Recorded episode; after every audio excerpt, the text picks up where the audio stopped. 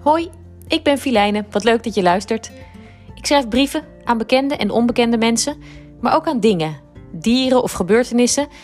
Meestal vrolijk en fruitig. Soms wat zwaarder, maar ik schrijf altijd vanuit mijn hart. Over en aan de dingen die mij en misschien ook jou bezighouden. Wil jij een keer een speciale brief aan iemand horen? Laat het me weten. En als je vaker luistert of graag brieven wilt horen die net iets heftiger, pittiger of juist heel irritant zijn, abonneer je dan vooral op deze podcast. Voor de prijs van een halve Starbucks zit je front row en hoor je alles wat de rest moet missen. Veel plezier met deze brief.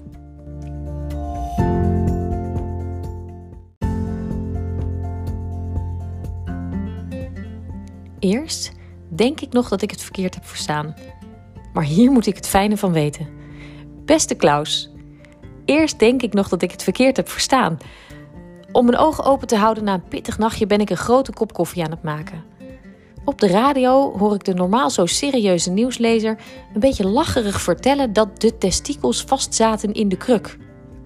Hier moet ik het fijne van weten. Met de verse koffie in mijn hand google ik testikel vast in kruk. En ja, daar ben jij. Een gezellig outdoorhoofd kijkt me aan en ik lees met een grijns op mijn gezicht wat er met je is gebeurd. Je had een knieblessure, te fanatiek geoutdoord waarschijnlijk. Maar ook mannen met knieblessures moeten douchen en dus verzon je een hulpmiddel.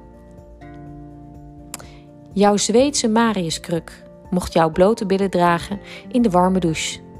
Nou, dat deed die kruk aardig, maar Marius, met hele grote gaten, had even niet bedacht dat de hangende delen van jouw fysiek ook gedragen moesten worden. In een onbewaakt ogenblik glipte jouw gebroeders testikel door de decoratieve gaten van Marius. Als je niet beter zou weten, zou je haast denken dat het hier gaat om een script van een goedkope pornofilm. Maar nee, dit was bloedserieus. Want waar jouw kleine vriendjes eerst nog heel ontspannen onder de kruk uitkwamen, zorgde de warmte voor onrust. Want ja, we weten allemaal wat warmte teweeg brengt. Warmte. Zet uit. Ai. Heel erg ai. Op het moment dat jij wilde opstaan, bleef Marius hangen. Pijnlijk hangen. In paniek begon je te trekken met alle gevolgen van dien. Marius was al lang je vriend niet meer en de pijn in je knie verbleekte bij de pijn die je voelde in de testicale zone onder je buik. Gelukkig liet jouw brein je niet in de steek en bedacht je dat als warmte zorgt voor uitzetting, kou waarschijnlijk het tegenovergestelde zou doen. Je verwelkomde de ijskoude stralen met open armen. Of nou ja, open benen in dit geval. En ja, de truc werkte. Je hele zaakje kromp tot handelbare afmetingen en Marius en jij konden weer gescheiden worden. Toen je was bijgekomen, liet je de Zweedse designer via het wereldwijde web weten wat er was gebeurd met jouw Noorse balletjes. De Zweden werden niet warm of koud van jouw bericht en gaven snel wat tips om dergelijke ellende in de toekomst te voorkomen. Jij zult je lesje wel geleerd hebben.